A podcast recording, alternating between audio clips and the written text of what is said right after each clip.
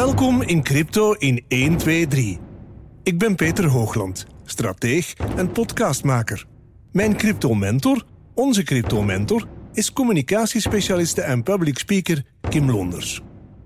In deze aflevering meer over hoe zit het met belastingen op cryptoverdiensten? Wat is fundamentele analyse en hoe doe je dat? Waar kan je de juiste informatie vinden om die analyses te maken? Welke beveiligingsstrategieën kan je toepassen?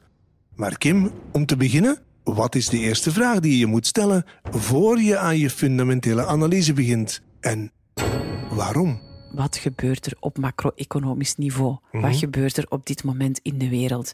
Bijvoorbeeld het nieuws van een Jerome Powell van de Federal Reserve, die de lange termijnrente zal laten stijgen met 0,25 of 0,50 procent, 25 of 50 basispunten. Eh, wat gaat dat geven? Welke impact gaat dat hebben? Heel de cryptowereld zat dinsdag al te wachten op wat dat Jerome woensdag ging vertellen. Hè. Dus het vraagt wel wat inwerken in nieuwsberichten. En je moet die nieuwsberichten ook leren interpreteren, omdat die interpretatie ook superbelangrijk kan zijn. Ja, maar dat is ook de reden waarom ik zeg, de allereerste stap is educatie. En do your own research. En blijf dat ook doen. He, je, kunt, je kunt zeggen van, oké, ik heb nu naar de podcast geluisterd, uh, Crypto in 1, 2, 3, en ik snap nu de beginselen en ik ben mee. Maar de cryptowereld. Ja, de cryptowereld verandert zo snel en er gebeuren constant, constant nieuwe dingen. Er zijn landen die, die van Bitcoin legal tender maken. Er zijn landen die miners gaan bannen. De CBDC's komen eraan. In, in China zijn ze CBDC's aan het testen in vier provincies, of in vier steden moet ik zeggen. Uh, Jerome Powell trekt aan de touwtjes uh, waar dat mee kan spelen. Hij verhoogt de lange termijnrente. Er is quantita quantitative... Kwantitatieve oh, Ik kan het niet zeggen in het Engels. Hè. Geen kwantitatieve versoepeling, maar kwantitatieve uh, tightening, verstrenging eigenlijk. Hè. Ja. Uh, minder geld gaan bij creëren. Ja. Dat is die quantitative tightening waar dat men nu over spreekt. Hmm. Dat zijn de touwtjes die Jerome in handen heeft van de Federal Reserve. Ah, dus daar speelt hij mee. Met als dus gevolg dat, dat iedereen nu in paniek springt. Ja, dat heeft natuurlijk een impact. Hè. Nu, hij moet iets doen, hè, want de inflatie is gigantisch hoog. Maar de vraag is, is het genoeg wat hij doet? Mm -hmm. En is het wel oké okay wat hij doet? Mm -hmm. Want wat hem ook doet, er gaan altijd slachtoffers vallen. Okay. Maar dus dat nieuws volgen is een essentiële. Maar waar volg ik dan? Wel, beginnen bij podcasts, YouTube-kanalen, boeken lezen, educatie, opleidingen volgen, Twitter is, is echt wel een die speelt. Maar ook Telegram en Discord. Hè, daar worden nieuwtjes gedeeld. En dan heb je zo'n aantal van die specifieke sites. Hè, mm. Cointelegraph, de blog Crypto, Blockchain.news, Decrypt.co, Coindesk.com. Dat zijn allemaal van die typische nieuwssites ja. waar dat je crypto-nieuws vindt. Hè. Jij volgt er ook een via CNBC. CNBC via ja. Facebook krijgen mm. wij die nu ook alle twee binnen. Ze hebben ons gevonden. dus, uh, dus ja, dat zijn de kanalen waar dat je de nieuwtjes vindt. Hè. Ja. Over projecten, maar ook over ja, zaken die over het monetair systeem gaan. Dus die wel een impact hebben op de cryptomarkt. Mm. Ja. Dus die twee zijn toch nog altijd verbonden met elkaar? Hè? Ja, absoluut, hè. absoluut. Het zijn geen twee op zichzelf staande werelden. Daar zijn we niet aan toe. Hè. Waar, er is lange tijd geen correlatie geweest, maar wat mm. je nu ziet, met dat er heel veel uh, institutionele beleggers bij dat komen. Dat die er wel. Dat die inderdaad dat die er wel komt. En natuurlijk nu... Eigenlijk zouden de institutionelen, om het dan zo onaanbiedig uit te drukken, bijna tevreden kunnen zijn. Hè? Maar ja. het is wel een feit dat dat meer en meer aan het gebeuren is. En dat zie je nu, ja, dat zie je nu vandaag de dag Voorbije dagen zie je dat. Ja. Welke bronnen zijn er dan waar ik me kan informeren en waar moet ik op letten? In eerste instantie volg het economisch nieuws, volg de nieuwtjes, want die hebben gewoon een gigantische impact op wat er gebeurt met de cryptomarkt. No doubt, zonder twijfel. Hè. Maar dan ga je effectief fundamentele analyse doen van een project, van een, mm -hmm. een coin of van een token. Herinner u? Een coin heeft een eigen blockchain. Een, een token, token, gebruikt de blockchain van een andere. Ja, is een project dat gebouwd mm. wordt op een andere blockchain. blockchain hè? Ja. Maar dus je gaat gaan kijken onder de motorkap. Dus je, gaat, je kan al gaan kijken van, heeft dit project een eigen blockchain? Is mm. het een coin of een token? Mhm. Is al iets waar je naar kan kijken. Daarnaast ga je gaan kijken van, wat is de market cap? Wat is het volume van geld? Fiat geld dat, er, dat er omgaat in dit project. Wat is de circulating supply? Hoeveel van die coin of die token is er in omloop? Wat is het track record? Wat heeft dit project al neergezet? Kijk ook naar een white paper en mogelijk ook een yellow paper. Hè? Want tegenwoordig hebben die projecten ook al yellow papers waar technische mm -hmm. zaken in staan. Mm -hmm. Ga ook kijken naar het team. Is het een goed team? Zijn het mensen die al in andere projecten hebben meegewerkt? Hebben die al een, track record? Wat, is die, wat staat er op hun cv? Mm -hmm. uh, zijn dat mensen die weten waar ze mee bezig zijn? Kijk ook van, ja, wat is de roadmap? Wat gaat er in de toekomst gebeuren? Welke releases komen nog? Welke, en welke worden de milestones upgrades? Ja, dat ook, hè, inderdaad. En als je dan kijkt naar team, is het team groot genoeg om de milestones die ze voorop stellen, om die ook te gaan verwezenlijken. Maar is dat niet moeilijk in te schatten als buitenstaander? Oh, je moet daar enige ervaring in hebben. Ja, fundamentele analyse vraagt wel een beetje ervaring, maar dat leer je ook door het doen. Hè. Ik zou zeggen, start al eens met een fundamentele analyse van Bitcoin. Hè. Ga eens kijken van, wat vind ik over dat team? Waar vind ik een white paper? Waar vind ik een yellow paper? Waar vind ik bijvoorbeeld op welk, welke beurzen dit project gelijst is? Um, wat is het volume van, van dit project? Ook gewoon gezond verstand. Hè. Want ook zo'n typische uitspraak in de crypto, if it grows too fast, it's not gonna last. Mm -hmm. Kijk daar ook naar. Maar ook, hoe nieuw is het project dat ze hier in de wereld zetten? Zijn ze innovatief? Zijn ze disruptief? Wat doen ze juist? Welke verbetering brengen ze? Mm -hmm. Hebben ze een eigen blockchain of niet? Nog een essentiële. Wie zijn de investeerders? Mm -hmm. Zijn dat grote investeerders of zijn dat eerder onbekende kleine investeerders, daar kun je ook al heel veel aan zien. Hè? Maar wat kan je daar dan aan zien? Want uiteindelijk kan een mooi project bijvoorbeeld via crowdfunding tot stand zijn gekomen met heel veel kleine investeerders. Ja. Maar is dat het erom minder waard? Nee, maar dan ga je naar andere dingen kijken. Hè? Dan ga je kijken welk team zit daarachter. Hoe doen die mannen hun... Dat is het laatste punt wat ik wil zeggen. Marketing, de community.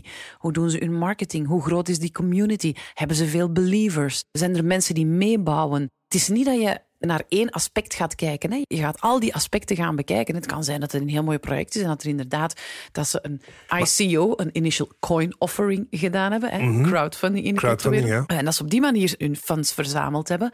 En dat er geen grote bekende investeerders zijn. Zou kunnen. Maar ze gaan dan misschien op andere punten weer gaan belangrijke vinkjes of, of zaken gaan afchecken. Maar eigenlijk is dit een vorm van checklist die je moet hebben. Dit is een... een Waar je een, een soort van... Um, moet ik zeggen, nominering moet opzetten van 7 op Ja. 10, 8 op 10, 9 op 10 of uh, goed, heel goed. Ja, absoluut. absoluut. En daar dan En dan een ga je soort gaan van kijken van, wat is het idee? Hoe zit het met het team? Wat is de technologie? Hoe zit het met de prijs? Wat is er met de liquiditeit? Is het een coin of een token? Enzovoort, enzovoort, enzovoort. En dan ga je echt gewoon gaan afchecken. Dat is fundamentele analyse. Dat is echt gaan kijken van hoe serieus is dit project? Hoe groot is de kans dat dit project gaat slagen? Hoe sterk staat dit project? Wat soort van extra kanalen zijn er? CoinMarketCap of een CoinGecko. Ja. Dat zijn platformen, eh, sites, hè, eh, waar dat je veel informatie kan vinden. Maar je gaat eigenlijk ook gewoon gaan kijken naar de website van het project. Hè. Normaal gezien zou je daar veel informatie moeten vinden. Als die website al op niks trekt, dan, dan weet je al dat je waarschijnlijk met een scam te maken hebt. Hè. Want Ja. dat is het. Hè. Fundamentele analyse, dat doe je om Is, te kijken van... is ook kwalitatieve analyse eigenlijk. Ja, je gaat naar de motor kijken van een project. Je gaat kijken hoe goed is die auto hier, bij wijze van spreken. Hè? Dat is wat dat je gaat doen. Hè? Dus als, als we zeggen, er zijn 18.000 projecten, eh, coins of tokens. Ja, er kunnen veel scams tussen zitten. Hè? Dus hetgeen wat je gaat doen, is echt gaan kijken van, is dit een scam? Kan dit een bearmarkt eh, overleven of niet? Is dit iets snel snel ineengeflanst om geld bijeen te harken en dan met de noorderzon te vertrekken? En wordt dit nooit iets? Of is dit wel een project waar dat een serieus team achter zit en serieuze investeerders? Ik voel nu aan mezelf ook van, oh my god, het is zoveel. Als je dat er moet bijnemen, bij je dagelijkse bezigheden bijvoorbeeld, ga me inbeelden dat je zegt van, ja, ik wil wel een aanspreekpunt voor dit soort van dingen uiteindelijk. Hè? Want het is heel veel. Hè? Het is heel veel. En er zijn mensen die daar gespecialiseerd in zijn en die daar ongelooflijk veel ervaring in hebben. En wij hebben het geluk om zo iemand eh, te kennen. Hè. Die, die, die, persoon is op ons pad gekomen. Die komt trouwens ook in een van de volgende afleveringen is aan bod, want die is ook specialist in, eh, in scams. Eh, dus die komt wat vertellen over scams, waar dat je voor moet opletten. Maar Tim Broekmans van Trade Premium, die heeft al gigantisch veel fundamentele analyses gedaan en die weet perfect hoe dat je een fundamentele analyse moet doen. Daarnaast heb je dan eh, eh, de technische analyse. Hè, dat zijn de koersgrafieken, de charts, de candlesticks, Ja. eh, de chart lezen. Hè, dus support en resistance, horizontale lijnen, de trendlijnen, de patronen en de indicatoren. Dat is technische analyse. Dus, eh, Dat vind ik zelf de meest boeiende. Aha, weet je, in het beste geval ga je natuurlijk de twee combineren. Hè. Ga je en fundamentele analyse en Mhm. Je technische analyse gaan samenleggen. Hè. Je Ja. moet die beide hebben. Als je erin stapt en je wil ergens iets leren kennen, moet je die beide wel. Ja, en dat is, ook, dat ja. is ook de meest volwaardige informatie die je kan krijgen. En er zijn een paar toffe YouTube-kanalen. Wat soort van extra kanalen zijn dat? De kanalen die ik het liefste volg en die ik ook het beste vind, Mhm. dat zijn kanalen waar dat iemand zit die gespecialiseerd is in fundamentele analyse, die dus de markt volgt en de nieuwtjes Mhm. brengt en dan dingen vertelt over bepaalde projecten en echt de fundamentele analyse doet van projecten. En dan daarnaast is er iemand bij die echt gespecialiseerd is in technische analyse en die dan ook nog een keer de chart van dat project, van die coin of van die token gaat lezen. Hè. Ja. En dan, ja, dan, dan krijg je natuurlijk al de waardevolle informatie die je nodig hebt. Hè. Maar het blijft altijd een deel interpretatie van de personen zelf uiteindelijk dan toch. Want het is niet volledig objectief altijd wat Goh, fundamentele analyse eh, is zijn redelijk feiten. objectief. Ja, En technische analyse is de chart. Hè? Mhm. Dat is gewoon de, de, de, de, de prijsgrafiek lezen. Hè? Maar is dat niet altijd wat interpretatie van een chart? Van mogelijke signalen, want er is altijd veel onduidelijkheid. Het is daarom dat ik zeg, het is astrologie voor volwassen venten. Hè? Ik kan wel op basis van wat ik lees en de indicatoren die ik zie zeggen van de prijs gaat stijgen, maar laat een oorlog uitbreken in Oekraïne en ook al heb ik een, een perfecte technische analyse gemaakt op Alles, basis van ja. de chart. It's ja, over, ja. Ja, tuurlijk, dat, maakt, is dat heeft de een impact. Hè? ja. Ah ja, voilà, absoluut. Nu, er is nog een laatste vorm van analyse die je kan maken en dat is die on-chain analyse. Mhm. Chainalysis is een, een heel bekende site of een onderzoeksinstelling, moet ik zeggen, die analyse doet van de blockchain en alles wat er op de blockchain gebeurt. En ook dat kan helpen om beslissingen te nemen in de cryptowereld. Maar ook daar, dat gaat de Oh, dan moeten er al echt heel diep in zitten en er al heel veel tijd aan besteden Ja. om zelf on-chain analyse te gaan doen. En waarom? On-chain analyse is niet KYC, Know Mhm. Your Customer, maar KYT, Know Your Transactions. Ja. On-chain analyse gaat gaan kijken welke transacties gebeuren er. Wat gebeurt er vanuit bepaalde crypto-adressen, bankrekeningnummers. Hè.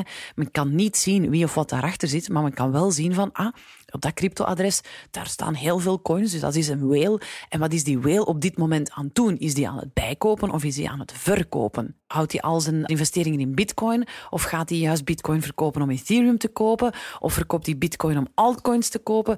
Dus dat zegt ook veel over wat is er aan het gebeuren? Wat zijn die grote mannen aan het doen? En die grote mannen die hebben meestal net iets meer informatie dan wij, de kleine garnaaltjes. En, eh, dus het is interessant om dat ook te volgen. Maar dan moet je weten waar dat je moet zijn. En je moet ook weten hoe dat je aan die informatie komt. Ik doe dat zelf bijvoorbeeld niet. Hè. Ja. Ik luister naar kanalen, naar mensen die on-chain analyse doen en die daarover vertellen. Maar ik heb onmogelijk de tijd om zelf on-chain analyse te doen. Maar het is er wel en het gebeurt wel. Maar is, dan, is dat dan niet een, meer betrouwbare bron als je ziet wat die whales en sharks, whatever dan, allemaal aan het doen, dolphins aan het doen zijn, omdat dan hun bewegingen hebben wellicht grote invloed op die koersen. Want als zij veel kopen, verkopen, dan zie je heel veel beweging in een markt en dat zal dan invloed hebben op al de rest. Maar ook daar weer, wat is uw beleggersprofiel? Ja? Ja. Heb jij gekocht en hoddel je voor tien jaar? Maakt speelt dat geen rol. Mhm. Wat maakt het dan uit wat die whales en die sharks en die dolphins en whatever heel de bevolking van de oceaan aan doen is? Maar als ik ga traden, dan... Dan speelt dat wel een rol. Ja, dan ben ik daar wel in geïnteresseerd. Maar ik heb het daarnet al gezegd, een trader is ook weer iemand die er meer tijd in steekt. Mhm. Dus het hangt af van uw beleggersprofiel. Hoe zit het met belastingen, taxaties en zo verder? Als je eh, gaat uitkopen en je gaat dus gaan omruilen of, of gaan verkopen terug voor euro's, dan moet je ook weten dat er taxatie op komt. Er zijn drie vormen, geloof ik. Hè? Er zijn inderdaad drie vormen en ik ga het heel eenvoudig houden, want het is, het is op dit moment in België, in Vlaanderen, heel eenvoudig, want er is nog niet veel regelgeving rond. Hè. De regelgeving zegt op dit moment, als je je eh, crypto's beheert als een goede huisvader, en ik interpreteer dat op dit moment als je hoddelt, je houdt voor lange tijd. Nu natuurlijk, ik ben geen fiscus, hè. Dus de fiscus interpreteert. Hè. Als ik nu zou zeggen, oei, het is oorlog in Oekraïne, ik ga alles verkopen, dan ben ik eigenlijk ook een goede huisvader. Maar ik weet natuurlijk niet hoe dat de fiscus daarover denkt. Hè. Waar ga jij vanuit? Wat denk jij? Ik ga ervan uit dat als je een lange tijd je munten houdt en je gaat geen, niks gaan afromen of je hebt geen uitkoopstrategie en je zegt echt van ik laat dat tien jaar lang staan, dan is jouw taxatie 0%. Hoera. Hoera. Ik moet niks afgeven. Ga je regelmatig, en dat kan met maanden tussen zijn, maar ga je af en toe toch een keer wat afromen, heb je een bepaalde strategie om af en toe wat winst te nemen en dus terug in euro's om te zetten, dan ben je speculatief bezig en dan ga je 33% tax betalen. Ga je gaan traden. Met andere woorden, ga je er een beroepsinkomen uithalen. Dan ga je in de personenbelasting vallen. Dan ga je naar 50 of zoiets. Ja, dat is volgens de schijven van de personenbelasting. Hè. Dat Mhm. weet je, dat wordt berekend. Je hebt een, een belastingsvrije som en dan heb je een aantal schijven. En ik denk als je een dikke... Het zal tussen de 35.000 en de 40.000 euro liggen, schat ik. Als je daarboven gaat met je inkomen, dus waar dat, dat inkomen ook van Mhm. Vandaan komt, komt. Mhm. Hè, dan zit je in die 55% schijf. Dus dan betaal je echt wel veel belastingen. En dan is de vraag van, ja, hoe doe ik dat dan? Je moet dat aangeven op je belastingaangifte en je moet eigenlijk een foto nemen per 1 januari. Dus op 1 januari zou je eigenlijk moeten kijken van, hoe heb ik mijn munten, mijn projecten, mijn coins, Ja. mijn tokens gekocht? Ja. En zijn er winsten gemaakt op die tokens en heb ik bepaalde winsten omgezet naar euro? Dat moet je gaan aangeven. Maar dat gaat alleen in vanaf het moment dat je het begint om te zetten terug naar je bankrekening. Ja. Zolang dat je het laat staan, dan ben je aan het roddelen. Ja. Dus ook, al zet je het om winsten naar hebt- stablecoins en neem je een kaart en ga je Ja. met een kaart gaan betalen, dan maak je er niet, geen euro's van. Hè. Dan pak je geen winsten. Hè. Er is regulerend kader aan het komen. Hè. Er Mhm. is van alles aan het, aan het bewegen. Maar dat is, het op, dat is hoe het op dit moment gaat. En ik krijg van ondernemers ook wel eens de vraag van, kan ik dat doen met mijn onderneming? Mhm. Dat kan. Hè. Ik bedoel, een MicroStrategy, een Tesla, een, een Mass Mutual, die zitten er ook allemaal in. In, in, in eh, El Salvador ook een, ja, ik bedoel, eh, McDonald's en Nike en Starbucks, die hebben ook allemaal bitcoins op hun balansen nu. Dus dat kan en die zullen dat ook moeten fiscaal aangeven. Maar daar ook weer, ga met iemand praten die daar echt in belegd is en die u daar kan in helpen. Ga met een fiscaal adv- adviseur praten daarover. Weten als je als bedrijf met je onderneming op een, een exchange wil gaan om crypto aan te kopen, dan moet je je statuten en zo doorsturen. Die moeten in de taal van de exchange. Dus hè, als jij Vlaamsta of Nederlandstalige statuten hebt en je wilt naar een Binance of een Coinbase, dan moet je die laten vertalen. Dus dat doe je niet van vandaag op morgen. Mijn boekhouder zegt, hou het uit uw onderneming. Ik heb al andere stemmen gehoord, dus ik ga het hier gewoon in het midden laten. Maar daar zou ik zeggen, laat u daar echt wel bij staan door een financieel of investeerders- of beleggingsadviseur. Oké, dat is Alright. duidelijk. Nog even terug naar die strategieën, want er is één die al snel vergeten wordt. Vertel daar iets meer over. Heel vaak hoor je mensen alleen maar spreken over een inkoop- en een verkoopstrategie, maar ik vind een beveiligingsstrategie toch ook heel belangrijk, want je bent je eigen bank, nog maar een keer. En dan gaan we naar de dubbele authentificatie en dat soort van toestanden. Ja, ja. En ledgers en... Ik heb daar een, heel paar, eh, een paar heel eenvoudige tips. Hè. Eh, eh, Tim, die binnenkort onze gast zal zijn, die zal daar veel meer over kunnen vertellen. Maar om het eenvoudig te houden, als je een account aanmaakt op een exchange, maak even een nieuw e-mailadres aan. Maak een e-mailadres aan waar dat je nog niet mee hebt ingeschreven op nieuwsbrieven enzovoort. Dus waar dat je scams op kan ontvangen. Dus dat is heel eenvoudig, maar doe dat. Dat kost u niks. Op Gmail kun je x aantal adressen aanmaken. Maak u een nieuw e-mailadres aan en gebruik dat enkel en alleen voor dat account. Net zoals bij eh, paswoorden. Gebruik niet paswoord 123 als paswoord, maar ga voor een lange zin of ga, of ga voor een zin, zorg dat daar tekens in zitten, maar een paswoord dat niet zomaar gemakkelijk ge- gevonden of geraden of, of, of, of gehackt kan worden. Ja. Ook nog zoiets basic. Check altijd als je naar TradingView, Bitfavo, Binance, Coinbase, als je naar eh, bepaalde sites gaat, dat daar zo een slotje in de URL-balk Ja. staat, zodanig dat je weet dat je op een beveiligde site, Site zit. zit, Ja. ja. Scammers zijn ongelooflijk goed. Hè? Bitfavo, het is maar kwestie van een pagina bij te maken en u af te leiden en hup, je zit op een valse site. Hè? Dus kijk altijd of een site beveiligd is. Het liefst van al eigenlijk, en dat zeggen dan die specialisten, ga de, eh, uw crypto-handelingen gaan doen op een nieuwe verse PC die nog niet mogelijk bevuild is met cookies en weet ik veel wat allemaal. Ja. eens, ik ben geen IT'er, hè? maar dus dat zijn ook dingen die je hoort. Er is nog een hele belangrijke, dacht ik, in die veiligheid. zorg dat je twee-factor authenticatie aanstaat. Wat is dat? Dat is een appje dat je kunt downloaden, of dat je, ja, dat je kunt downloaden op je smartphone. Google heeft een authenticator, dat appje noemt Google Authenticator. Wat geeft dat ding? Als je dat appje open doet, dan ga je zien dat dat appje om de 30 seconden u een code geeft Ja. van zes getalletjes. En om de 30 seconden wordt dat een nieuwe code. Dus als je dan gaat inloggen op een account, dan ga je eerst je, je e-mailadres, dan je paswoord en dan gaat die jou twee-factor authenticatie vragen. Daarvoor moet je dan dat appje open doen en dan krijg je gedurende 30 seconden één code die je moet ingeven. Je moet dan ook binnen die, die 30 seconden klikken en dan raak je er veilig in en binnen de 30 seconden komt er dan alweer een andere code. Ja, dus dat is super, super, super eh, basic, maar Mhm. zet dat aan. Er is nog iets heel belangrijk in verband met die twee factor. Er is iets met een herstelcode. Iets waar iedereen aan voorbij gaat. Hoe zit dat nu eigenlijk? Als je eh, die twee-factor authenticatie activeert, Ja. hè, want ten eerste, hoe ga je dat doen? Je gaat eerst dat appje op je, telef- op je smartphone zetten. Ja. En dan ga je ehm, connectie maken met het platform waar dat je wil beveiligen. Bijvoorbeeld, neem nu Bitfavo. hè.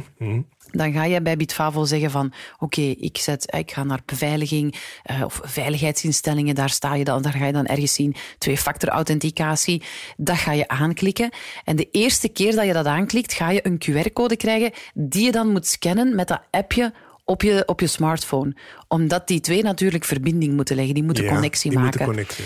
Maar op het moment dat je dat, die QR-code krijgt, gaat daar ook een herstelcode onder staan. Ja. dus dat is een codeke met lettertjes en met cijfertjes. Noteer die herstelcode. Super, super, super belangrijk. Want op het moment, je gaat daar super snel door. Hè, want je denkt, oh, hm, ik ben dat hier aan het installeren, tof, krijg een QR-code, chap, ap, het is gebeurd en je herstelcode is weg. Ja. Dus wees er je bewust van op het moment dat je die QR-code krijgt om, krijgt om die verbinding te maken, dat je dan die herstelcode daaronder ziet staan en dat je die moet opschrijven.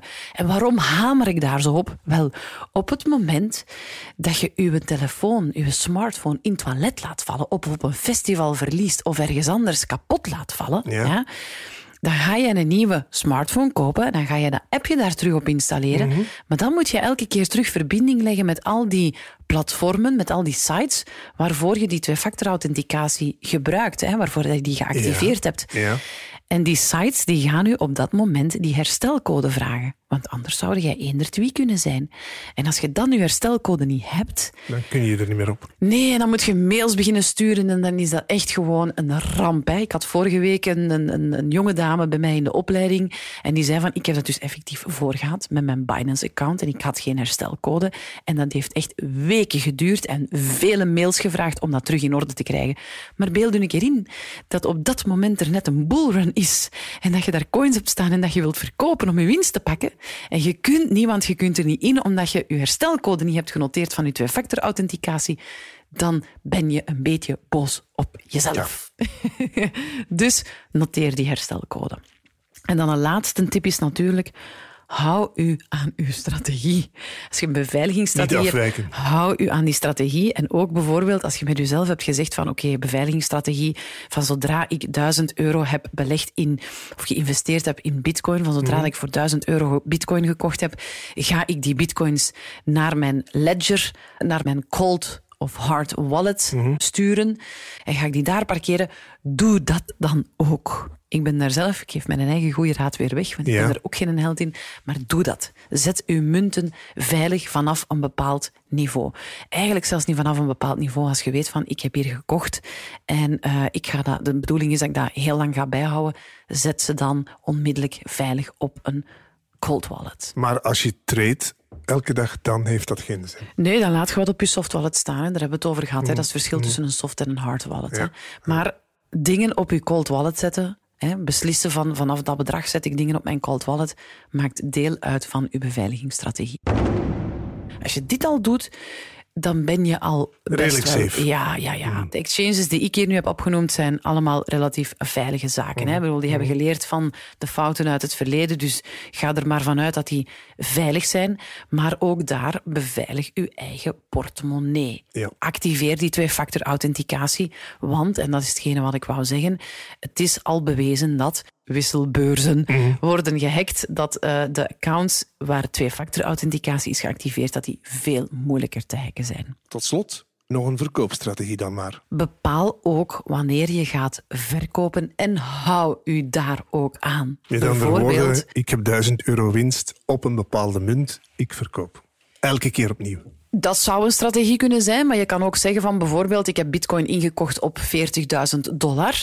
Als bitcoin 60.000 dollar haalt, dan verkoop ik, ik zeg maar iets, hè, 20%. Als bitcoin 80.000 dollar haalt, dan verkoop ik nog eens 20%. Als bitcoin 100.000 dollar haal- haalt, dan verkoop ik nog eens 20%. Kan ook een strategie zijn. En hou u daar aan. Want dat is het moment dat dan de FOMO speelt en dan zeg je, oh, maar het gaat goed. En ik had mijn eigen gezegd dat ik 20% ging verkopen als we op 60.000 zaten. Maar het gaat goed, ik ga nog even wachten, ik ga nog even wachten, want ik geloof erin. Nog een keer, een koers kan heel snel crashen. Dus hou u aan uw strategieën. Mhm. Een andere verkoopstrategie kan zijn van ik heb uh, voor 100 euro een bepaalde coin gekocht, bijvoorbeeld bitcoin, en ik ga elke keer dat die over die 100 euro ga, ga ik een stukje afromen en je hoeft het daarvoor niet om te zetten in euro. Hè. Je kunt het ook gewoon in, in, in, in, uw, in uw portefeuille op je account laten staan. Maar gewoon afromen. En dan zeggen van... En van het moment dat ik mijn inleg, dat ik die, die initiële 100 euro terug heb... Ja.